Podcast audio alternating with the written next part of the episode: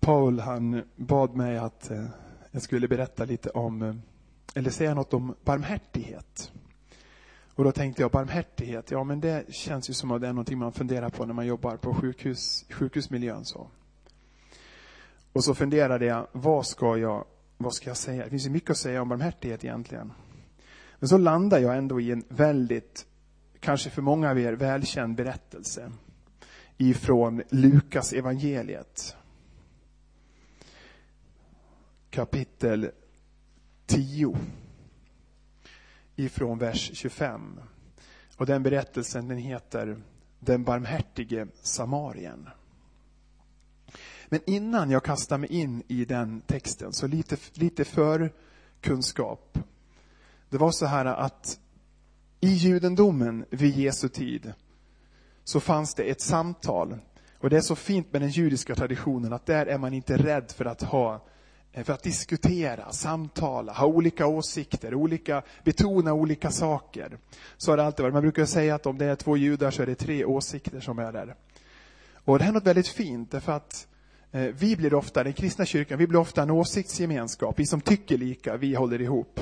Men judendomen har överlevt därför att den har varit en, en starkare gemenskap, en blodsgemenskap, man har fötts in i det. Och därför har man också varit väldigt generösa att ha diskussioner och samtal hela tiden.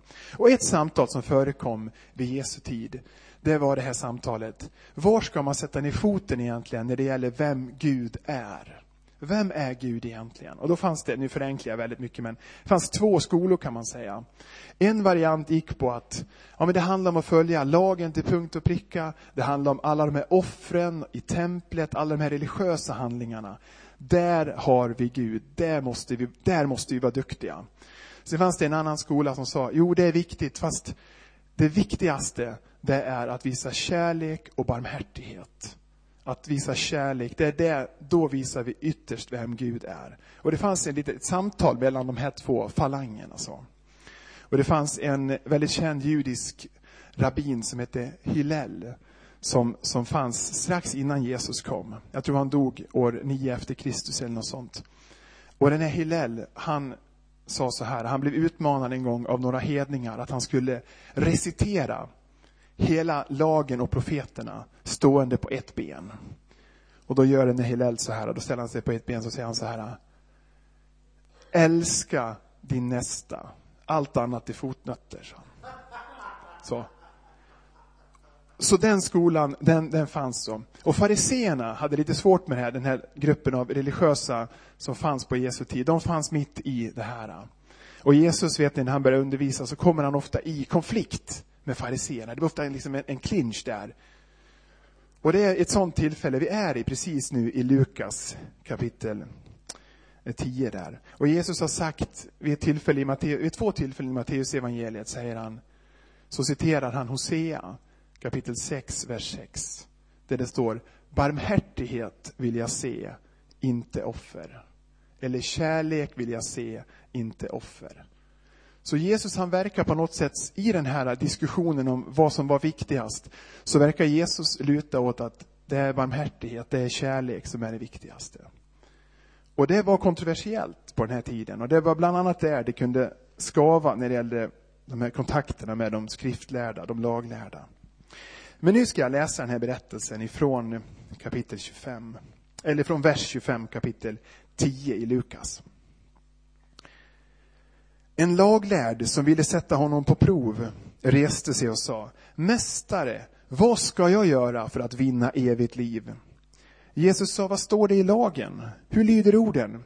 Han svarade, du ska älska Herren din Gud av hela ditt hjärta och med hela din själ och med hela din kraft och med hela ditt förstånd och din nästa som dig själv. Jesus sa, det är rätt. Gör det så får du leva. Här hade allting kunnat slutat. Men det fortsätter ändå. Då. För att visa att han var rättfärdig sa mannen till Jesus. Och vem är min nästa? säger han. Och Jesus han är ju en fantastisk pedagog. Han är, fantastisk, han är en fantastisk storyteller. Så vad gör Jesus då? Jo, han svarar med en berättelse. På den frågan svarade Jesus. En man var på väg från Jerusalem ner till Jeriko och blev överfallen av rövare. De slet av honom kläderna och misshandlade honom och sen försvann de och lät honom ligga där halvdöd. En präst råkade komma samma väg. Och när han såg mannen vek han åt sidan och gick förbi. På samma sätt med en levit som kom till platsen. När han såg honom vek han åt sidan och gick förbi. Men en samarier som var på resa kom och fick se honom ligga där. Och han fylldes av medlidande. Han gick fram och hällde olja och vin på såren och förband dem. Sen lyfte han upp honom på sin åsna, förde honom till ett värdshus och skötte om honom. Nästa dag tog han fram två dinarer och gav åt värden och sa, sköt om honom och kostade mer ska jag betala dig på återvägen. Och sen vänder sig Jesus till den här laglärde. Vilken av dessa tre tycker du var den överfallne mannens nästa? Han svarade, den som visade honom barmhärtighet. Då sa Jesus, gå du och gör som han. Alltså det finns mycket, så mycket som händer i den här berättelsen som Jesus berättar. Eh, när han pratar om vägen mellan Jeriko och Jerusalem så visste alla som lyssnade att det var en farlig väg. Det var en väg man helst inte ville resa ensam. Det var stundtals öde och det var en plats där rövare ofta slog till mot de som reste där. Så redan där så ser människor den här vägen och tänker, lite läskigt, och, ja, dit, man vill helst inte vara själv där. Och sen fortsätter Jesus berättelse med den här mannen då som är på väg från Jerusalem till Jeriko. Vad händer då? Jo, han blir ju mycket riktigt överfallen av rövare. Okej, okay, nu har det hänt. Men sen så säger Jesus att en präst kom. Och då, för alla som lyssnade, då introducerades hjälten, tänkte de. Nu kommer, nu kommer det att hända grejer, nu kommer prästen liksom. Nu kommer det ordna sig. Prästen, han är på väg till templet och så han, han är ju den här religiösa ledaren som gör allting rätt, som representerar Gud, som verkligen visar vem Gud är. Nu är prästen där. Det här kommer att bli bra. Men så är Jesus något otroligt chockande. Han säger att prästen, han går förbi. Han struntar i den här mannen. Och det fanns skäl för prästen att göra det, faktiskt religiösa skäl också. Han, vem vet vad den här mannen har gjort? Prästen var troligtvis på väg till templet i Jerusalem för att göra tjänst där. Kanske för att förrätta offren i templet. Då skulle han ha blivit oren om man hade haft för mycket med den här mannen att göra. De religiösa förpliktelserna, han struntar i det. Och sen, men vad har Gud sagt? Jo, barmhärtighet vill jag se, inte offer. Men han går vidare.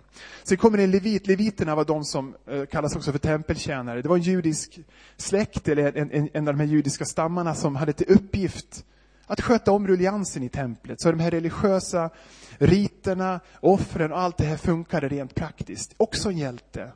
Och då tänkte man, okej, okay, prästen kanske hade en dålig dag, men nu kommer leviten. Nu, nu kommer det ordna upp sig. Nej, leviten gör precis på samma sätt. Han lämnar mannen och fortsätter. Och sen så introduceras chocken i berättelsen. Och det är Samarien. Det var så att samarierna, de, de finns kvar fortfarande. Jag har varit i Israel och, och, det finns en liten grupp kvar av de män. Men det var alltså en, en, en villolära. Eh, de hade fått vissa saker rätt i den judiska tron, men det mesta hade de fått om bakfoten. De hade en annan plats där de tillbad på, inte templet i Jerusalem, de hade ett eget berg där de var. Och de hade en del andra saker som gjorde att de var, de ansågs som helt vilse, helt utanför. Eh, och det fanns ett hat mellan de här två grupperna. Och till och med ett, man skulle kunna prata om ett folkmordshat. Vi har sett hur det kan blomma upp hat mellan olika grupper i vår tid och så har det varit genom historien. Och det var ett hat som man undvek varandra till varje pris. Och en jude hade ingenting med en samarier att göra alls. Det var så att om du var en from jude så kunde du be din morgonbön, tack Gud att jag inte är en samarier. Så, så, så starkt var det. Och Jesus introducerar en samarier här och han gör samarien till hjälten i berättelsen. Den här laglärde som hade sagt den här frågan, vem är min nästa? Jag tror inte det är omöjligt att tänka sig att i hans värld så var det så självklart att den nästa, vem är min nästa? Jo, men det är den person som kanske har min, samma etnicitet som jag, samma åsikter som jag, lyssnar på samma musik som jag, läser samma böcker som jag, skrattar åt samma skämt som jag skrattar åt. Det är min nästa. Så är det ju. Men Jesus han vänder alltihopa helt upp och ner när han introducerar Samarien här. Det Jesus säger, nej, det är den som är helt annorlunda dig. Det är den som inte skrattar åt dina skämt. Som inte lyssnar på din musik. Som inte ser ut som du. Som inte beter sig precis som du.